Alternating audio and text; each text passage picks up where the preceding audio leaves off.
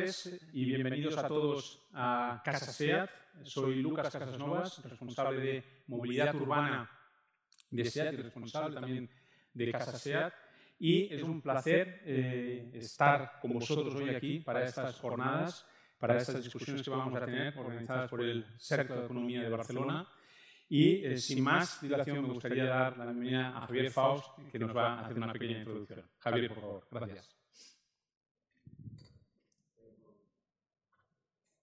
Molt bon dia eh, a, a tothom. Moltes gràcies. Bé, aquest és la tercer, el tercer acto de, de, la, de nuestro ciclo de infraestructuras, como dice, infraestructuras y movilidad por una Barcelona por el siglo XXI. Ya hemos realizado un primer eh, evento con el presidente de AENA, con Mauricio Lucena. Un segundo evento fue eh, sobre el corredor mediterráneo y ahora es el tercero y para nosotros imprescindible sobre la movilidad eh, urbana en una ciudad como Barcelona y la movilidad pues, de, sostenible. ¿no? Estamos encantados de estar aquí. Eh, muchas gracias, SEAT. Yo creo que SEAT y Barcelona son un matrimonio que, esperemos dure muchos y muchos y muchos siglos. y, bien, encantados. Nos quedan un par de ciclos más, un par de ciclos de sesiones dentro de este ciclo, una sobre ferrocarril, que invitaremos al presidente Renfe, y otra sobre eh, sobre 5G, exactamente. También las infraestructuras tecnológicas y digitales 5G también consideramos que son parte de las infraestructuras del siglo XXI.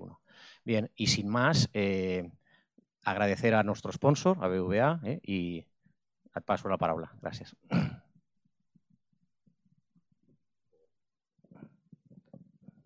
Doncs bona, bona tarda a tothom i, i benvinguts a aquest uh, tercer, tercer cicle eh, que com deia el, el Javier Faus, el president, eh, pues bueno, estem, estem en una situació eh, diferent feta.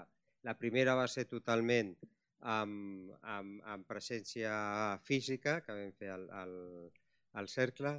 La, la segona es va agafar amb aquest eh, ja confinament i la vam tenir que fer eh, virtual.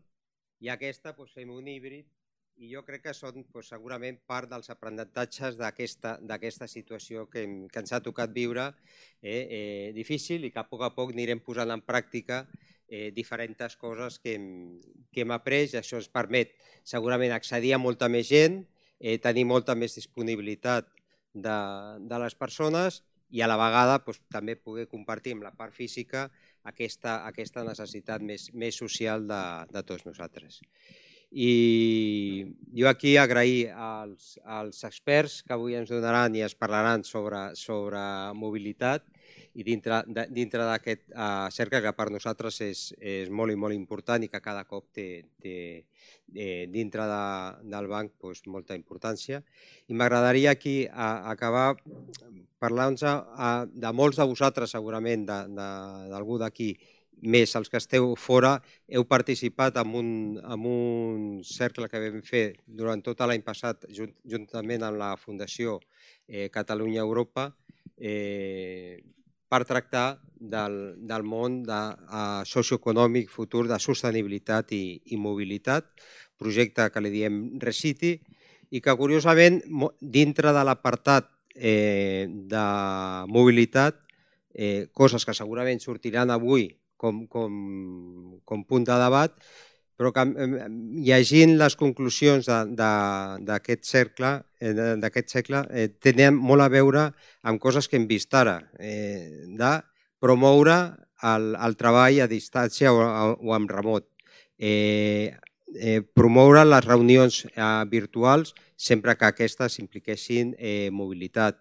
eh, el eh, consum de productes de, de proximitat, eh, el, el, el que és el, la mobilitat elèctrica, el que és l'adaptació la, dels, dels garatjos, els pàrquings, les flotes de les empreses. O sigui, coses que eh, parlàvem abans i vam estar eh, amb, amb, amb empresaris, amb la part sindical i amb la part institucional parlant i, i fent aquest document de treball, eh, doncs, bueno, jo crec que s'han accelerat i res, sense més, esperar que, que us agradi el, les conclusions d'avui, que estic segur que amb el panel que tenim eh, és infallable eh, i moltes gràcies a, a tots.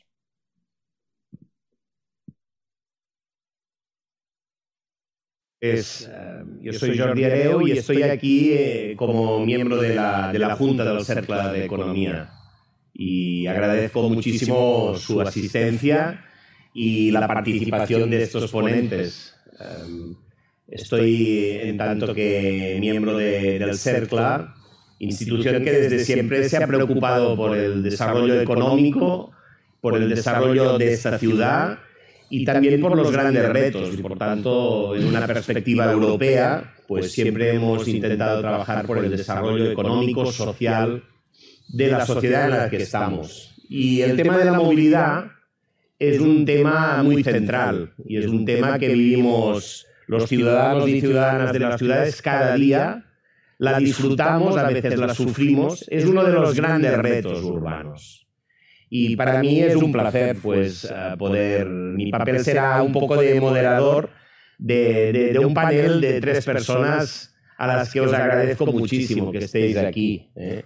Eh, quiero agradecer al BBVA y quiero agradecer a SEAT por ofrecer su casa, porque estamos en la casa SEAT. Y en este espacio tan significativo de, la, de la apuesta de una industria que se está transformando por una ciudad y por las ciudades, pues aquí tenemos este debate, esta charla, que yo solo intentaré pues, moderar. Pero estoy rodeado de, de, de tres personas que desde tres perspectivas diferentes pues nos pueden dar una imagen muy precisa de los retos actuales de la movilidad. ¿eh? A, mi izquierda, Vicente Segura, socio consultor, responsable de, estrategia y operaciones de productos y servicios de una gran consultora internacional como Deloitte.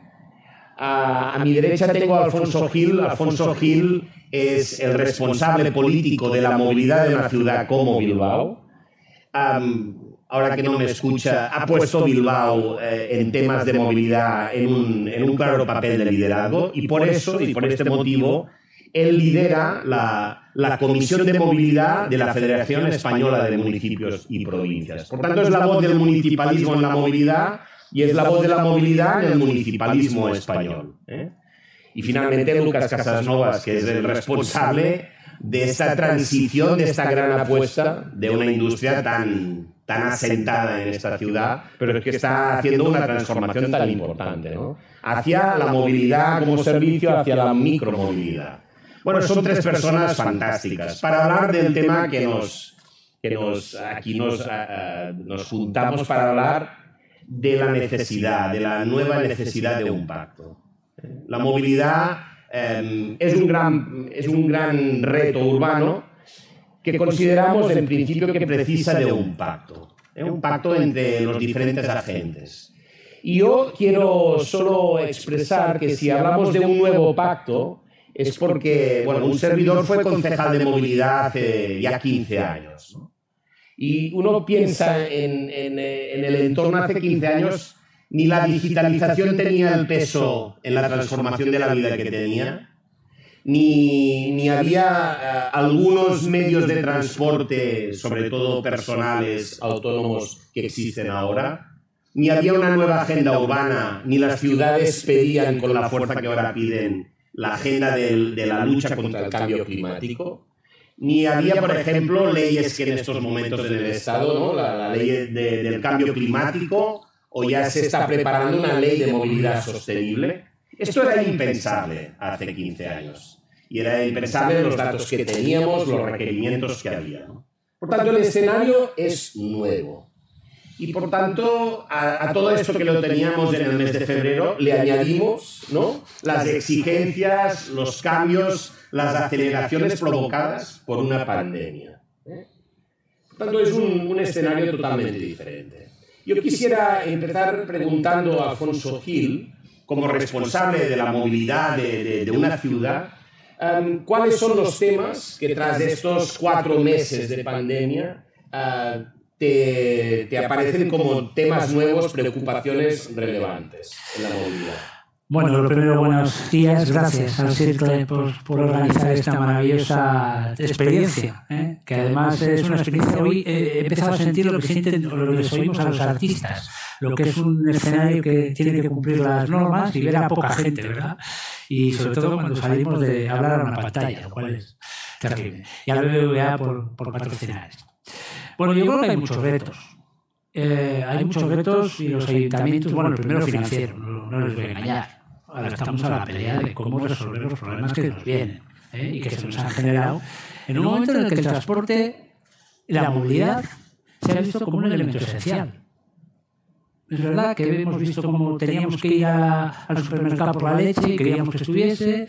Es verdad que los policías, los sanitarios, pero todos ellos, todos ellos les unían una cosa. Es que necesitaban algo para, para ir a trabajar y volver a sus casas. Por lo tanto, la movilidad se ha demostrado como uno de los elementos esenciales dentro del capítulo de nuestra vida. Eh, ¿En qué estamos ahora mismo? Miren, yo el otro día les decía, eh, por abrir un poco el, fuego, eh, tenemos que aprender de esto una lección. Mientras la humanidad ha sufrido, la naturaleza se ha recuperado. Esto me parece una frase muy flower power, es una realidad constatable. Y por eso hoy tenemos una obligación, que es la de intentar alinear todos los objetivos estratégicos del sector público y del sector privado para acertar con la solución. Yo me he pasado mi vida haciendo políticas pro, nunca anti. No he sido anti nada en mi vida. Creo que tenemos que trabajar para que uh, todos los ciudadanos que demandan ir entre dos puntos de la manera más fácil, más rápida y en menos tiempo, sea posible sin hacer una política contra algo. Yo lo decía el otro día en una previa, ahora hay un movimiento anti no sé qué. Bueno, no. Hagamos políticas en construir una nueva movilidad en la que habrá oportunidades de negocio para las empresas, lo cual es muy positivo. Y el ciudadano tendrá resuelto uno de los capítulos que, como hemos dicho al principio, son esenciales. Por lo tanto, los ayuntamientos, que como ustedes saben, para el 2050 el 80% de la humanidad vivirá en ciudades, tenemos una obligación y es de construir perfectamente cuáles son los ámbitos de la movilidad de nuestros ciudadanos para que aquellos que vendrán la tengan resuelta. Dicho de otra manera, Jordi, termino. Aquella ciudad que tenga bien resuelta su movilidad será competitiva. La que la tenga mal resuelta se perderá. Muy bien. Vicente, em, tú eres y has vivido experiencias en el mundo de la logística, también de la automoción. ¿Cuáles son los retos de una, yo creo, una de las facetas más difíciles, que es la distribución urbana de mercancías, la última milla, que, que significa un porcentaje importante también de la movilidad? ¿Cuáles crees que son los nuevos retos y las posibles soluciones a este gran reto? Gracias Jordi. Lo primero, eh, bien, eh, buenos días a todos. Gracias a Cerca, al BBVA y a SEAT que estamos en su casa. Eh, por centrar la, la, pregunta, yo creo que la logística urbana de mercancías es uno de los aspectos más relevantes dentro del conglomerado de la, de la movilidad. ¿no? La movilidad es un problema o es una problemática muy compleja que afecta a diversos actores y entes. ¿no? Aquí está representado el sector del automóvil, está representado pues, los organismos eh, municipales, pero también tenemos que contar con los uh, actores de las infraestructuras públicas eh, y privadas, tenemos que contar con los agentes de la tecnología, que es uno de los grandes eh, eh, disruptores que puede ayudar a solucionar el problema. Tenemos que equilibrar objetivos en algunas veces antagónicos del ciudadano respecto, por ejemplo, hablando de la logística urbana de mercancías, a todos nos gusta tener accesibilidad y flexibilidad para hacer la compra, para acercarnos a tiendas eh, de retail, para recibir productos de compra online en casa. Eh, y cuando cambiamos el gorro del consumidor al gorro del ciudadano, pues estamos preocupados por la congestión y por las y por las emisiones. Entonces, respondiendo a la pregunta, la logística urbana de mercancías cada vez tiene más peso dentro de la problemática de la movilidad en las, en las ciudades. Hay sectores como es la compra online o el e-commerce que han crecido eh, o que venían creciendo por encima del 20% en los últimos 10 años eh, y los análisis que hemos hecho en nuestra, en nuestra casa en las tres meses de confinamiento, pues hay categorías que han, se han incrementado por encima del 150%. Entonces, cada vez la necesidad de gestionar esa micrologística es más compleja, cada vez el abastecimiento a tiendas de proximidad o a tiendas de eh, hoteles, restauración y cafeterías, excluyendo el contexto del, de la crisis actual, es más complejo. Eh, y cada vez el peso que tiene la logística urbana, tanto en congestión como en emisiones, Nuestros análisis indican que eh, el peso de la logística urbana en las emisiones es superior al 15% y creciendo y en, las, eh, y en la congestión es, se acerca al 20% y en algunas franjas horarias, como es la franja de la mañana, que es crítica para el abastecimiento de algunos sectores, pues puede llegar a representar el 30% y por tanto eh, cada vez es más relevante ese efecto y por tanto el peso que tiene la resolución del problema es mayor. Muy bien. Lucas, el qué es y por qué, digamos, un fabricante durante más de 60 años de, coches, de vehículos, ¿por qué hace esta apuesta por la movilidad como servicio y estas nuevas formas de movilidad urbana?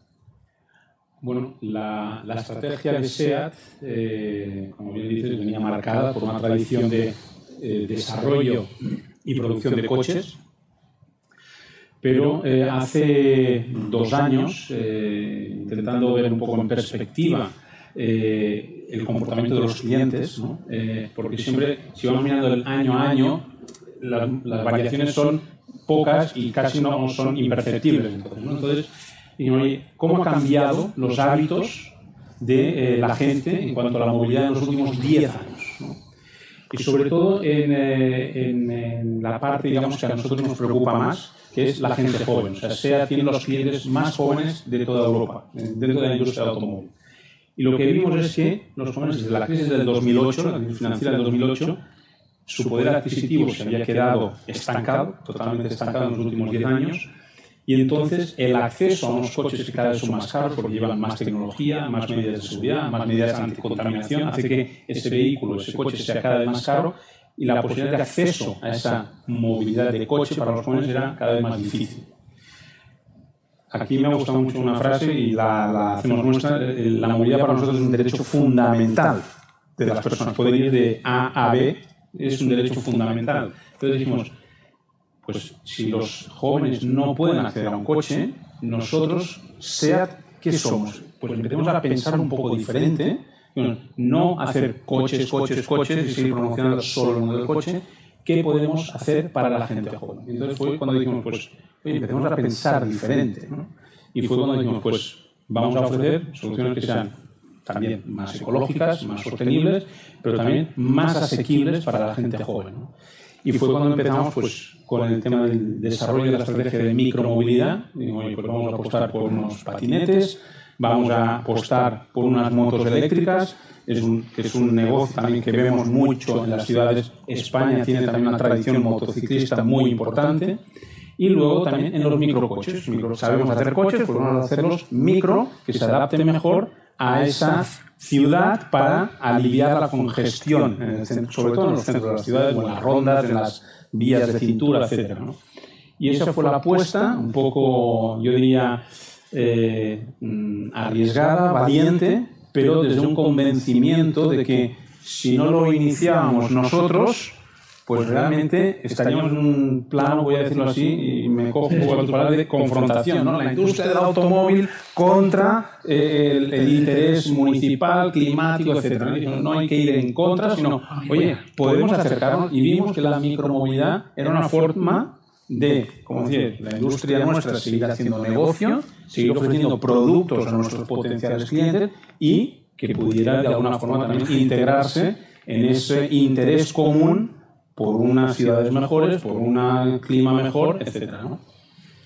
Alfonso, yo te quería preguntar algún comentario sobre el transporte colectivo, el transporte público, porque es un porcentaje importante de la movilidad urbana y sobre todo metropolitana. me consta, porque ha salido mucho el, el temor a volver al transporte colectivo. Y te quería bueno, preguntar sobre el, volver la confianza al transporte público y también los, los retos económicos de financiar el transporte colectivo. Y después te quería preguntar, o sea, ¿tú qué esperarías de la industria del automóvil? O sea, el mundo municipal, ¿qué le pide a la industria? Y después le preguntaría a la industria, ¿qué pide del sector público? ¿Eh? Porque aquí tenemos que ir trabajando por un cierto pacto y necesito saber las expectativas de unos y otros. Está bien, además es ir al grano. ¿eh? bueno, lo, primero, eh, yo creo que ha habido ciertos mensajes erróneos. Y no es una crítica. Eh, yo lo digo en todas las intervenciones que hago. Yo no puedo criticar a ningún gobierno. No me creo capaz. porque hemos cometido errores todos y hemos acertado todos. Y es verdad que esto ha llegado y nos ha asolado a todos, hemisferio norte, sur, este y oeste. Por lo tanto, tenemos que ir construyendo ese discurso eh, victimista o, buscando la víctima de tal. Yo creo que no, no es bueno, hay que, hay que alejarlo. Decía lo de los eh, discursos erróneos, porque algunos consejos que se han ido trasladando desde algunas administraciones públicas ha sido abandonen ustedes el transporte público, es peligroso. Y yo siempre digo, ni la mayor.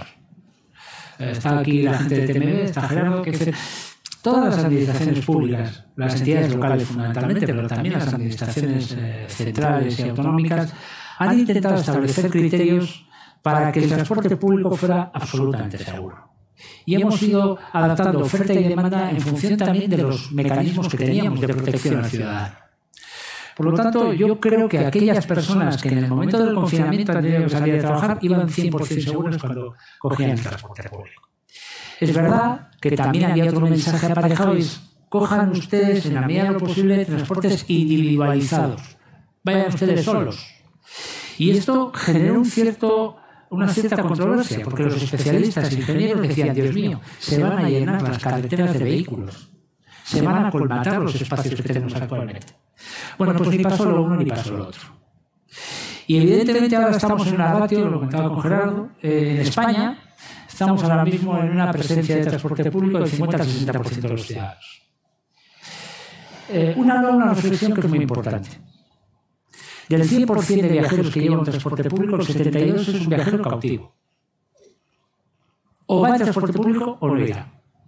Por diferentes motivos. Por elección, porque no tiene para tener un coche.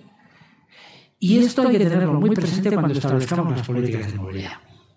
Cuando yo les decía que tenemos que alinear necesariamente las políticas del sector privado y del sector público es porque la capacidad del sector privado de pensar, de traccionar, de establecer soluciones casi casi inmediatas ante los problemas, no la tenemos las administraciones públicas. No la tenemos. Y por eso si juntamos ambas cuestiones, estaremos resolviendo un problema que le dará oportunidades de negocio y de empleabilidad. Porque eh, cuando hablaba antes de las políticas anticoche, que ahora lo vimos, ¿verdad? ¿Eh? Parece que se han apuntado algunos eh, sectores ahí contra el coche y vamos a favorecer la bicicleta. Que no, que esto no se trata de ir contra nada. El coche no va a dejar de estar en las ciudades. Y además necesitamos que esté. Es el segundo contribuyente al PIB de España. Esta es una realidad objetiva y tozuda. Por lo tanto, alineemos los eh, intereses del sector de la industria del vehículo, en este caso vehículo privado, y hagamos lo que, por otra parte, yo le veía, claro, sea ya hace un tiempo, yo lo conocía, yo fui a un congreso, vine aquí a Barcelona y presentabais el patinete. Yo no he sido muy partidario del patinete, lo tengo que decir aquí, ¿eh? porque la hemeroteca es tozuda. Pero ahora me he convencido de que es una solución. Es una solución que tenemos que meter dentro de nuestro portfolio, de nuestro catálogo, de elementos de ese pacto interno que tenemos que hacer las ciudades para repartir el espacio público compartido. Porque esto se trata de ver cómo gestionamos ese reparto. Y ante ese reparto, ¿qué tenemos que hacer? Oiga, pues la solución del motosharing, car sharing, hay que adaptarla, claro. Porque yo cuento, pero me lo muchas veces, yo también, una, una anécdota que es tozuda, porque eh, los que van contra el coche no se dan cuenta que es que el tiempo está poniendo a cada modo en su sitio. Yo cuando tenía 18 años me eché novia de coche. Mi hijo con 23 no le conozco novia y no tiene coche y va en transporte público, pero no le importaría tener, compartir el coche, tener un coche a demanda, car sharing, o métodos que SEAT está desarrollando y algunas otras marcas, también por ser honesto, es que el sector de la movilidad se está moviendo porque sabe que el mundo de la movilidad está cambiando de una manera radical.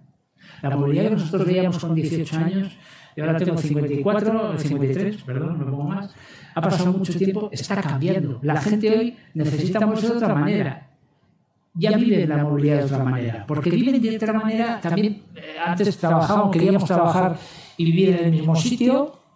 Ahora los chavales, por diferentes motivos, optan por salir de sus sitios de confort, de su línea de confort, de, su casa, y se va eh, a España o a Europa. Por lo tanto, por ceñirme, ¿qué le pido yo a la industria del automóvil? Que piense. que piense. Porque nosotros pensamos, estamos en el campo legislativo, tú lo decías, ya tenemos en trámite parlamentario una ley que va a transformar mucho las ciudades. La ley de eh, cambio climático y transición energética que está ahora mismo en, en el Congreso de los Diputados y en el Senado de las Cortes Generales ya plantea zonas de bajas emisiones para el año 2023. Y esto va a ser un cambio muy importante en la fisonomía de las ciudades. Por lo tanto, que piensen, que nos ayuden. Y en esa ley de movilidad sostenible que entrará aproximadamente en diciembre también en trámite parlamentario, tenemos que intentar, de verdad, voy a ser muy tozudo, alinear los intereses de ambos sectores. Si somos capaces de llegar a ese pacto que nos lleve a ser certeros en la implementación de las soluciones, la industria ganará. Nosotros nos interesa que gane la industria. Y los ciudadanos vivirán mejor porque, miren, ya no se trata de hacer una movilidad sostenible. Eso lo busca todo el mundo. Tenemos que perseguir los patrones de la movilidad saludable. Un ciudadano que tiene una movilidad saludable gasta menos del sistema sanitario que es uno de los grandes capítulos dentro de los presupuestos de cualquier institución. Por lo tanto, si el ciudadano respira mejor y se mueve y es un ciudadano activo, gasta menos en sanidad. Por lo tanto, estamos haciendo una inversión, no es un gasto. Interesante. Eh, Vicente, yo te quería preguntar eh, una cosa que no teníamos hace 15 años eran datos, o los datos, o la cantidad de datos, o la calidad de los datos que ahora las personas, los objetos generamos cada día. Em, ¿Tú cómo ves, digamos, la aplicación de, del Big Data a la promoción de, políticas más inteligentes de movilidad en las ciudades? Em, yo creo que la, tecnología y los datos en concreto es uno de los grandes eh, habilitadores para solucionar la complejidad de la, de la movilidad. ¿no? Eh, Alfonso decía con mucho criterio que la movilidad tiene que ser eh, segura, además tiene que ser accesible para todo el mundo, además tiene que ser eh, asequible desde un punto de vista de equilibrio en el coste del ciudadano, del consumidor y de los operadores. y a partir de ahí tiene que ser eh, eh, con capacidad de elección para que cada uno libremente elija el modo en el que quiere desplazarse de un punto A a un punto B.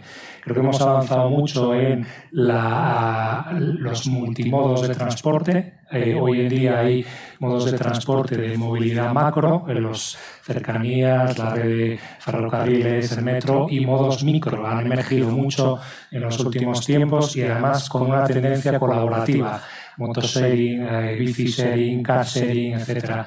Esos eh, modos nuevos de transporte emergen porque eh, la tecnología está poniendo a disposición un vehículo en el cual antes no teníamos la capacidad de geolocalización, la capacidad de utilizar algoritmos de inteligencia analítica para poder ir adaptando las ofertas de modos de transporte con las demandas. La, la, necesidad de movilidad es propia de cada persona, tanto en, en, personas como en movimiento de mercancías. Cada uno elige sus criterios y, por tanto, la tecnología tiene que ser el vehículo que conecte la oferta que estamos poniendo con eh, las infraestructuras que están poniendo eh, las ciudades a nivel de urbanismo, a nivel de infraestructuras, con la demanda de los ciudadanos. Un ejemplo que siempre ponemos eh, en la logística de mercancías urbana eh, las zonas de carga y descarga son fijas en las ciudades y además corresponde a eh, planes de urbanismo de hace bastante tiempo. Sin embargo, la demanda es dinámica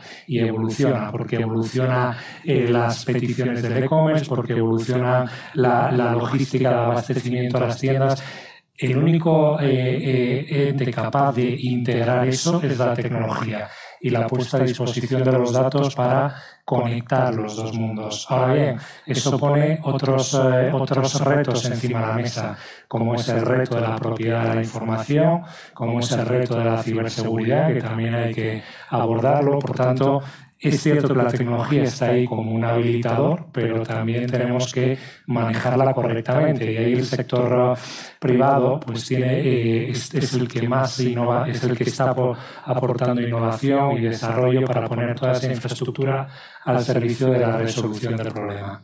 Muy bien.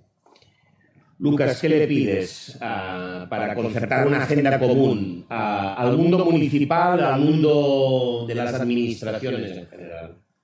Bueno, nosotros lo que pedimos es, eh, eh, y nos gustaría mucho, es eh, un marco estable, un marco regulatorio estable.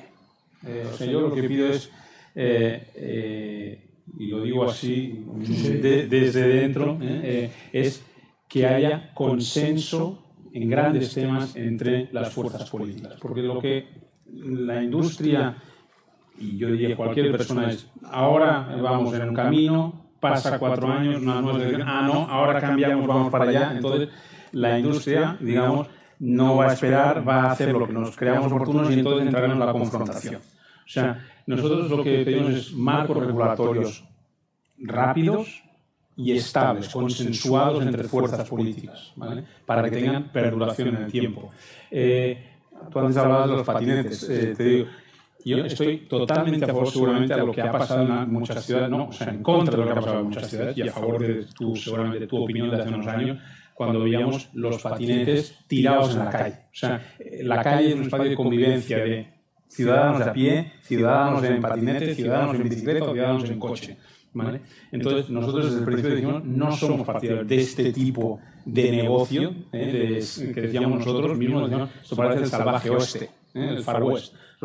Queremos un marco regulatorio que evite esto. Pero claro, queremos que haya ese marco. Si de bueno, veremos un momento, eh, los socialistas vamos por aquí, los otros, de, los socialistas o populares o quien sea, los de izquierda, de derecha, centro, da igual, van a un, hacia un lado y otros van luego hacia otro. Entonces, estabilidad regulatoria, uno. Si hay estabilidad regulatoria, si puede ser con rapidez. ¿vale? Y luego lo que yo eh, pediría es, y eso favorece si hay pactos que sean que vayan más allá de una sola legislatura, ¿eh?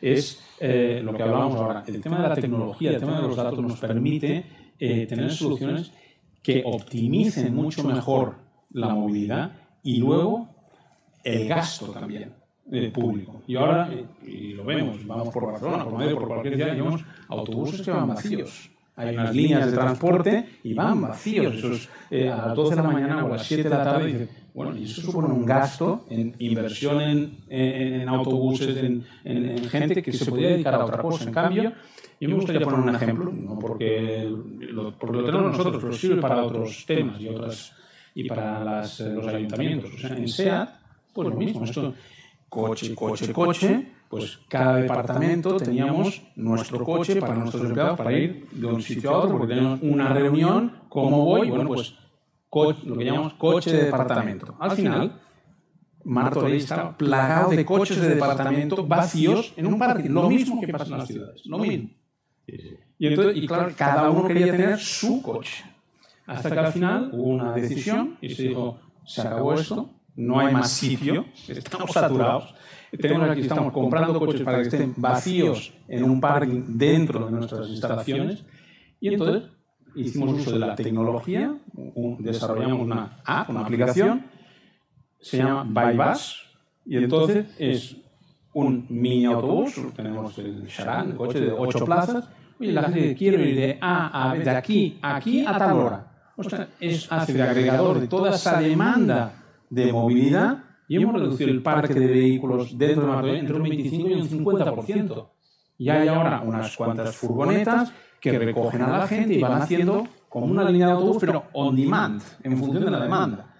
Ostras, eso ha supuesto un ahorro en espacio y en dinero que luego podemos dedicar a otras cosas. Con lo cual, ese ejemplo de mini ciudad que tenemos de 15.000 empleados dentro de Martorell se puede aplicar a una ciudad, seguramente más complejo, no es tan simple, pero conceptualmente la tecnología, los datos nos permiten hacer eso. Entonces, si las administraciones también pasasen a eso, creo que convergería también mucho más el sector privado, el sector público y al final redunda en, a los ciudadanos, evidentemente. Alfonso, ¿te parece una agenda a la que poder llegar a un acuerdo? No, porque me parece trascendente, ¿no? Sí, porque en el fondo hay más alineación o más alineamiento de lo que la gente cree. Sea, viendo este tipo de experiencias, porque se te ha olvidado un capítulo importante, emisiones en CO2, NO2, NOx, SO2, SOX, yo soy de letras, pero me he aprendido todo esto. Eh, PM2,5, PM10 y ruido. Ruido, Que la genera cardiopatía. sonora, que es contaminación también. Eh, quiero decir con esto que al final eh, yo creo que estamos más alineados de lo que creemos, pero es cierto que por diferentes condicionantes has dicho uno muy importante. Me voy a contar una anécdota que a mí me ha pasado en la pandemia. Yo, como me ha dicho Jordi, soy presidente de la Comisión de Transportes, Movilidad Sostenible y Seguridad Vial de la FEM, y no se había reunido la comisión, no se había constituido. Y entonces, aprovechando la pandemia, yo le llamé a Abel Caballero, presidente de la FEM, y le digo, oye, eh, hay en este momento hay que coger fin, el liderazgo de todo esto, porque hay mucha gente llamando, muchos ayuntamientos, tenemos 8.200 y pico ayuntamientos en España, y la gente llamaba con desasosiego, ¿qué hago? Y ahí es donde yo dije, hay que constituir la comisión y hay que empezar a trasladar mensajes nítidos. Constituimos la comisión y por no contar eh, temas internos, nos costó fraguar un acuerdo casi un mes. Acordar es difícil, sobre todo cuando uno va con el apriorismo ideológico que le marca no sé quién. Y entonces yo, cuando vi que aquello se desmandaba, hay en la comisión de, que, que presido hay un miembro del Partido Popular que representa a todos los alcaldes del Partido Popular, hay uno de Izquierda Unida y, y están los del PSOE. Estamos los del PSOE. Y entonces un día senté y dije, señores, aquí estamos para arreglar problemas. La política no se puede convertir en el problema de la gente. Política tiene que habilitar soluciones. Y bajo la buena predisposición y la transparencia logramos un acuerdo. Y el acuerdo fue trasladar una serie de consideraciones a todos los ayuntamientos de España para que ese alcalde pequeñito que no cobra, créanme, la mayoría de los alcaldes no cobran, tenga resuelto el problema inmediato que se plantea. Y si no, un teléfono donde llamar y donde todos los partidos le vamos a decir lo mismo. Por eso me quedo con algo que tú has dicho que yo reclamo. La política tiene que trasladar un mensaje, no tres mensajes, no bronca. Tenemos una obligación, y más en estos momentos donde va a haber mucha quiebra. Hemos tenido una quiebra en la salud. Y ahí no ha habido ideologías, ha atacado a todos. Todos hemos estado en casa, por igual. Por lo tanto, tenemos que hacer un gran esfuerzo para trasladar un mensaje de unidad con solución a problemas concretos con sentido común. Y por eso, mm, lo que nosotros hemos hecho en movilidad, luego es verdad que la FEMA ha ido, eh, claro, los alcaldes se encontraban todos con el mismo problema. Y, en fin, ante el problema tenían que dar soluciones. Por lo tanto, ha habido más unidad que bronca, tengo que decirlo. En la Federación Española de Municipios y Provincias casi todo el mundo se ha alineado. Y eso me parece importante si queremos dibujar un horizonte en el que, si establecemos buenas condiciones, lo que les decía, las ciudades serán competitivas y será competitivo, por lo tanto, el país. Si la solución parte de la micro a la macro y en la macro todo está preparado, este país saldrá porque es un gran país. Por lo tanto, unidad, y ahí la, la política tiene que hacer un grandísimo esfuerzo. No se puede sentar uno en una mesa diciendo, hoy voy a ver si le toco los pies al de enfrente. Uno se tiene que sentar con la vocación de que eh, va a perder pelos en la gatera siempre, cuando uno sienta en una mesa, cada uno en su ámbito, pero intentar establecer mecanismos por el cual la movilidad, que como hemos dicho todo el rato, es un elemento esencial de la vida ciudadana, esté bien resuelta. Y muy importante, eh, movilidad saludable. Fíjense, yo en Bilbao, me vas a permitir que haga un poco de reportaje de mi ciudad. ¿eh? Breve, ¿eh? Breve, 30 segundos. 64% de los ciudadanos de Bilbao va andando. El 24% en transporte público y el 11% solo en vehículo privado. No sobra el coche. La reina ahora mismo de la movilidad en la ciudad es la bicicleta. Ha pasado en todas las ciudades, no les engaño. Ha ganado un peso específico dentro de la movilidad muy grande, pero tampoco es la solución total. ¿eh? O sea, no hay que eh, talibanizar las eh, reflexiones. Cada uno tiene su espacio. Y hay una cosa que a mí sí me preocupa en todas las ciudades, que es algo que tú estás planteando, que es la logística. Porque es verdad que todos nos quejamos del ruido, de no sé qué, pero queremos tener la, la botella de leche debajo de casa. Sí. Y esa es una asignatura pendiente del conjunto de las ciudades. Vicente, em, el Pacto de París no es una variable, es un parámetro. ¿eh? Las exigencias, el Pacto Verde Europeo es una un, parámetro de la realidad. O sea que los objetivos eh, en términos medioambientales están marcados. Ahora, por otro lado, ahora nos viene encima una, crisis económica importante y la lucha contra el paro. Uh, la New Green Deal um, tiene que hacer posible todos los objetivos, los ambientales, los sociales y los económicos a la vez. ¿eh? No es una ecuación fácil, pero ¿tú cómo ves esta ecuación y el papel de la colaboración público y privada para salirnos bien de, de, estos grandes retos, todos a la vez? Eh, no es una ecuación fácil, nada fácil. eh, y por tanto, antes decíamos que teníamos a la tecnología como habilitador para resolver la ecuación. Otro de los habilitadores es eh, la colaboración. Eh, las grandes ciudades que han, han, hecho avances relevantes en la mejora de la movilidad uh, son las que han estructurado pactos desde un punto de vista eh, colaborativo público-privado en toda su extensión.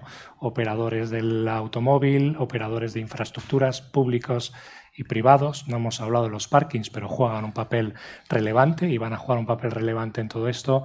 Eh, los agentes de la tecnología, las asociaciones, las empresas, los diferentes sectores que mueven la logística y que mueven la movilidad. Tenemos operadores públicos, operadores privados eh, y por tanto esto solo se puede, iba a decir, resolver. Probablemente resolver es, es demasiado ambicioso. Solo se puede mejorar si encontramos esos mecanismos de, de colaboración, porque al final estamos hablando de objetivos antagónicos.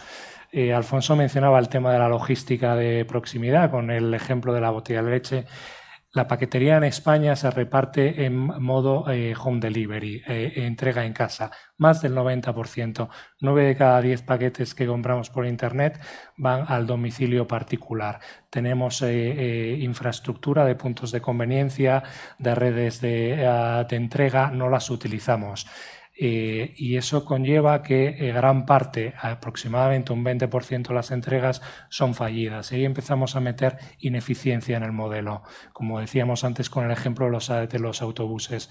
Entonces, eh, los mecanismos de colaboración tienen que articular el equilibrio de objetivos contrapuestos y por tanto tenemos que cambiar algunas pautas nosotros como consumidores para poder conseguir objetivos que queremos nosotros como, como ciudadanos, porque al final el espacio, como bien decís al principio, es finito. Eh, pero las necesidades cada vez son mayores y por tanto tenemos que llegar a un punto de compartir ese espacio, compartirlo entre las personas que se mueven a pie, con los diferentes vehículos y modos de transporte, con las furgonetas que están haciendo los repartos. Eh, uno de los temas eh, que, más eh, está en controversia es el reparto nocturno. Evidentemente no queremos incrementar la congestión sonora eh, o, la, o, el problema sonoro, pero hoy en día hay tecnologías de flota electrificada, de acuerdos o, esquemas de robotización que permiten solucionar eso. Uh, y la colaboración tiene que permitir también que iniciativas como eh, lo que se está hablando ahora mucho de la movilidad como servicio despeguen. Y despeguen apoyándose en la tecnología y despeguen apoyándose en la regulación y en la colaboración entre los diferentes entes para que nos podamos desplazar del punto A al punto B o mover una, una mercancía del punto A al punto B de la manera más eh, eficiente, sostenible eh, y, y, económicamente rentable. Muy bien. Uh, Lucas, acabo de mencionar, ¿no? O sea, los objetivos medioambientales uh, son, nos unen a todos y además yo creo que la conciencia respecto a su cumplimiento es cada vez mayor. ¿eh? Y esto forma parte de la agenda urbana, digamos. Los responsables políticos eh, tienen el input de la sociedad de que esto hay que tomárselo en serio, y no retóricamente, sino cumplir, ¿no? Además, habrá mucho monitoreo de, de, de lo que son los parámetros a cumplir. Ahora, por otro lado, somos un país fabricante de coches. Y miles de familias viven a lo largo de décadas en esta ciudad y barrios que nacieron en torno a, por ejemplo, a vuestra fábrica. ¿eh?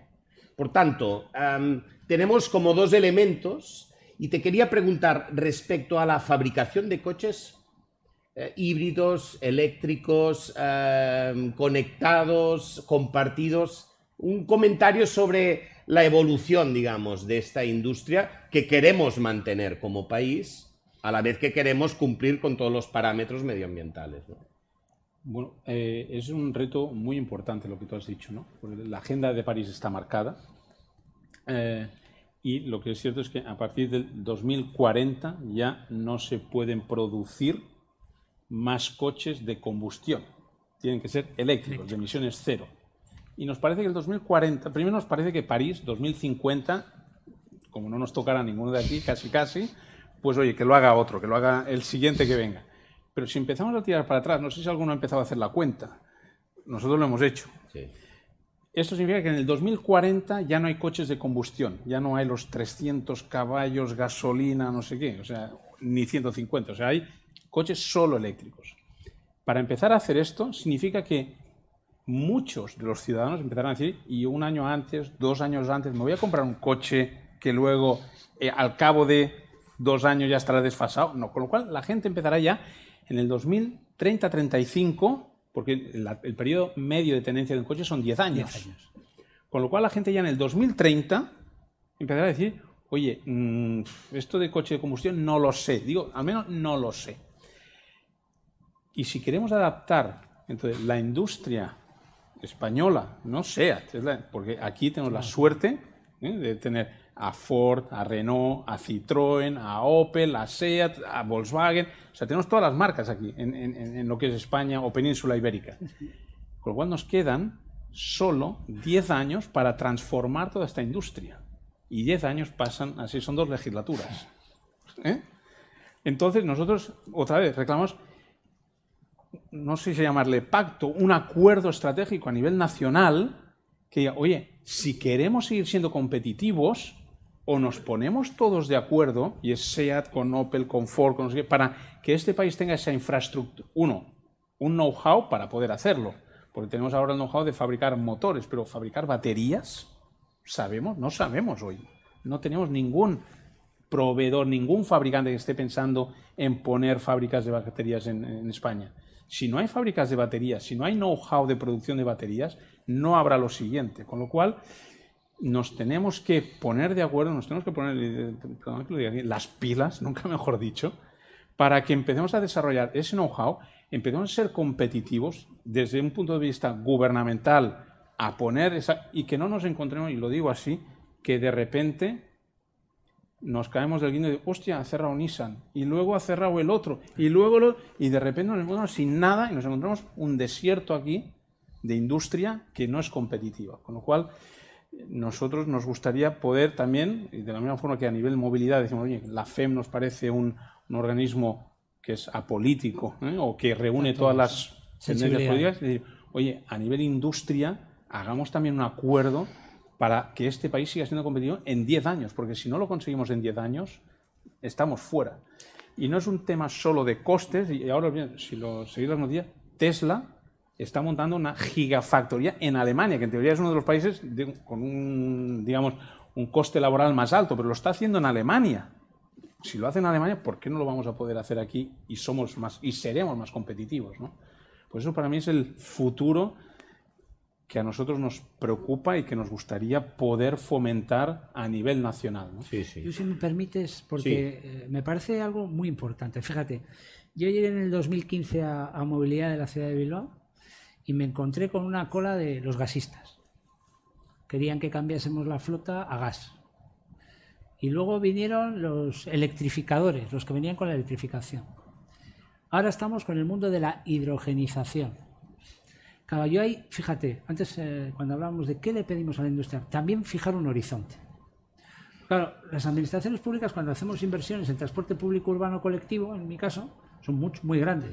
Le veo a Gerardo, pero fíjate aquí, ¿no? Claro, necesitamos tener también una serie de certezas que los departamentos de I más D de industrias como SEAT o como las automovilísticas nos vayan generando certidumbre. Porque vemos que hay algunas de las grandes marcas que también tienen eh, incertidumbres. Y eso a nosotros nos genera quiebra. Por eso es muy importante la alineación de, objetivos, incluso tecnológicos. Hmm. Porque eh, hablabas tú de datos, yo lo he, dicho ahí eh, off the record. Tenemos tantos datos, el problema es que puedes tener tantos datos que te, abruman, ¿no? Y hay que saber usarlos. Y... Pero fíjate, yo a la industria sí le, le pido eso, ¿no? Porque nosotros hicimos una apuesta por la electrificación. Quitamos ruido, o sea, eh, impacto acústico prácticamente cero y emisiones, pues cero tienes la ecuación perfecta, pero también es cierto, tiene otra serie de inconvenientes, lo decías tú, la batería, finita. Tiene un tiempo determinado y cuando pasa ese tiempo, batería nueva, prácticamente un 30 o 40% del coste total del vehículo. todo esto es lo que tenemos que tener encima de una mesa para alcanzar ese gran pacto que haga que la industria nos dirija en algunos aspectos, que la administración pública genere unas bases sólidas en la que la industria pueda estar cómoda. Y hablo de la del vehículo, la del coche, la de la bici, o sea, todas las industrias que pueden coadyuvar a una buena movilidad saludable y no tengamos, en la medida de lo posible, porque es verdad que los campos son muy abiertos, incertidumbres. Muy bien. Bueno, finalmente os quería hacer una, la misma pregunta a los tres si veis que este triple reto, ¿no? Em, social, económico, ambiental, ¿eh? ambiental, social, económico, si nos podremos, lo podremos afrontar con éxito en España los próximos años y qué papel le ponéis a la idea del pacto. ¿eh? Lo digo en una ciudad que hace 22 años eh, generó el pacto por la movilidad urbana y que era, en el fondo es cómo nos repartimos el tiempo y el espacio. ¿Y cómo lo hacemos todos los agentes? ¿Eh? El peatón, que es el epicentro y la forma mayoritaria de movilidad, quiero recordar, en un ámbito urbano, y todos los demás modos, medios de, movilidad. Tanto, ¿cómo lo veis? ¿Sois optimistas? Eh, ¿Tenemos mucho trabajo que desarrollar? ¿Lo tenemos que hacer juntos? Eh, optimistas sin duda, nosotros siempre somos optimistas. Yo creo que este país ha demostrado durante mucho tiempo que podemos eh, superar los retos. Eh, la industria del automóvil ha superado grandes retos de transformación, ahora está inmersa en otro reto de transformación. El sector transporte también, infinidad de industrias han evolucionado y además las... Ah, digamos, las, dificultades generan ah, evolución. ¿no? Tenemos un tejido empresarial con capacidad de innovación. Ahora comentábamos el tema de la electrificación de la flota y el limitante que, que está en la autonomía. Sin embargo, tenemos un desarrollo de nuevos materiales que puestos a disposición de los fabricantes aligeran muchísimo los vehículos manteniendo, manteniendo las especificaciones de, seguridad. Por tanto, tenemos mucha capacidad y mucha potencia para ponerla a disposición de la resolución del problema. Entonces, optimistas sin duda. Yo creo que es más una cuestión de la velocidad con la que lo vamos a afrontar eh, y los, ah, y los digamos, los frenos que tendremos que ir solucionando. Y insistiendo de nuevo en el concepto, siendo un problema tan complejo y tan ah, poliédrico y con tantas aristas, no se puede solucionar o no se puede mejorar solamente desde un prisma, desde una industria, desde la visión del ciudadano, desde la visión de los ayuntamientos o de, la, de los reguladores. Hay que hacerlo de manera consensuada y sabiendo que pues tendremos que ceder en algunos aspectos para conseguir los objetivos comunes que, buscamos. Muy bien. Lucas. Bueno, eh, yo desde luego me gustaría pensar que vamos a ser capaces. Pero tengo mi punto, eh, viendo cómo estamos hoy, de falta de un optimismo 100%. O sea, eh, tengo mi puntito de pesimismo, si me permitís decirlo así me gustaría realmente, eh, y por eso también me gustaba este panel aquí, ¿no? porque es un panel eh, absolutamente apolítico. Eh, ya sé que tú eres de un panel político, pero la FEM, tú venías como FEM. Aquí, a todos. entonces, yo lo que digo es, o sea, si para mí hay cuatro temas. Uno es industria, lo que llamamos el hardware, la industria. Otro es la infraestructura, sea la que sea por la que eh, vayamos, ¿no? pero es el hardware, la infraestructura, la tecnología, los datos y, el, y la política. Si esos cuatro nos alineamos, entonces yo diría que industria, movilidad, medio ambiente, entonces lo tenemos, y ciudadano, que al final es el que está en medio y el que lo sufre, o el beneficiario de eso, entonces tenemos futuro y podemos hacer grandes cosas. Pero es, para mí estos cuatro aspectos son la clave de, por favor, ponernos de acuerdo, pongámonos, porque si no, siempre decimos que lo haga el otro, ¿eh? pongámonos de acuerdo, y me incluyo, nos incluimos como sea tu industria también, y entonces seguro, y entonces el optimismo será no el 100%, el 200%, pero mientras eso no pase, yo tengo también mi puntito de realismo, voy a decirlo así. Bueno, pero este acuerdo tiene que empezar hoy, ¿eh? Bueno, pues eh, por nosotros encantados. ¿eh? Los deberes tienen que ser compartidos. ¿no? Hombre, las ciudades van a cambiar mucho. Yo lo he dicho antes, el legislativo nos va a marcar ya una dirección que no tiene vuelta atrás. Ciudades buscan la salud, buscan ciudadanos más robustos y más coparticipativos en muchos aspectos. Eh, Bilbao, por ejemplo, a partir de septiembre, toda la ciudad tendrá una limitación de velocidad de 30 por hora. Y para esto, pues tenemos que adaptar todos los medios, los coches. Claro, eh, estos coches de 300 caballos, como tú muy bien decías, es que no van a poder transitar. Bueno, pueden transitar a 30. Sí, a 30. No, pero es decir, que habrá coches que ya serán distintos, que tendrán otras capacidades, que tendrán otra diversión, porque hay gente como a mí que me le gusta conducir, pero es que la movilidad ha cambiado y va a cambiar mucho más.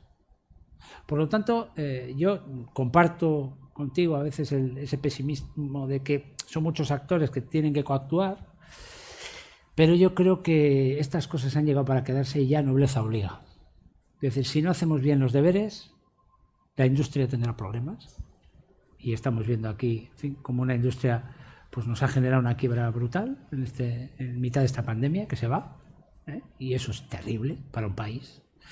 El ciudadano tendrá problemas, porque el ciudadano lo que tenemos que hacer es no generarle un problema a la hora de tener que elegir por un modo, se lo tenemos que dar hecho. No puede ser un problema para el ciudadano con la de problemas que tiene uno cuando se levanta de la cama, ¿verdad? ¿Cómo va de un punto A a un punto B? Las matrices origen-destino. Y yo creo que hay un tercer elemento que creo que es eh, elemental, ¿no? Y es que los diferentes servicios que tiene la ciudad van a aumentar. Y el espacio cada día va a ser menor. Porque todos demandamos un espacio de disfrute. Las ciudades queremos que sean transitables eh, caminando, queremos... Bueno, yo creo que para no perder a nadie en el camino, hablo de industria, hablo de ciudadano, hablo de logística, tenemos que ser capaces de sentarnos en una mesa todos y empezar a trabajar con una unidad de criterio y el legislativo eh, así lo está haciendo, es decir, ha metido un trámite parlamentario, ahora llegarán los partidos cada uno con su visión. Yo lo que le pido a todo el mundo es generosidad. Tenemos que ser generosos, porque si somos capaces de sentarnos en una mesa con un objetivo más o menos compartido y somos generosos, sale ganando la gente. Y la gente es la industria, es el ciudadano y es el conjunto de actores que tiene una ciudad funcionando día a día. Muy bien, muchas gracias. Pues les agradezco muchísimo sus aportaciones, vuestros comentarios en torno a un fenómeno que es apasionante y que define muy bien lo que son y lo que serán las ciudades del futuro. En definitiva, a mí lo que me queda es que lo que no podremos delegar a las tecnologías y a los instrumentos, a las infraestructuras, será la inteligencia colectiva, ¿no? la, capacidad colectiva de ser inteligentes y pactar ¿no? este fenómeno tan poliédrico, ¿eh? que, que encarna tantos retos, pero que a la vez supone tantas oportunidades para, para el futuro de las ciudades. Bueno, muchas gracias y a ver si empezamos este camino de generar eh, pues inteligencia colectiva a través del pacto. Muchas gracias. Muy bien, gracias. Muchas gracias. Muchas gracias.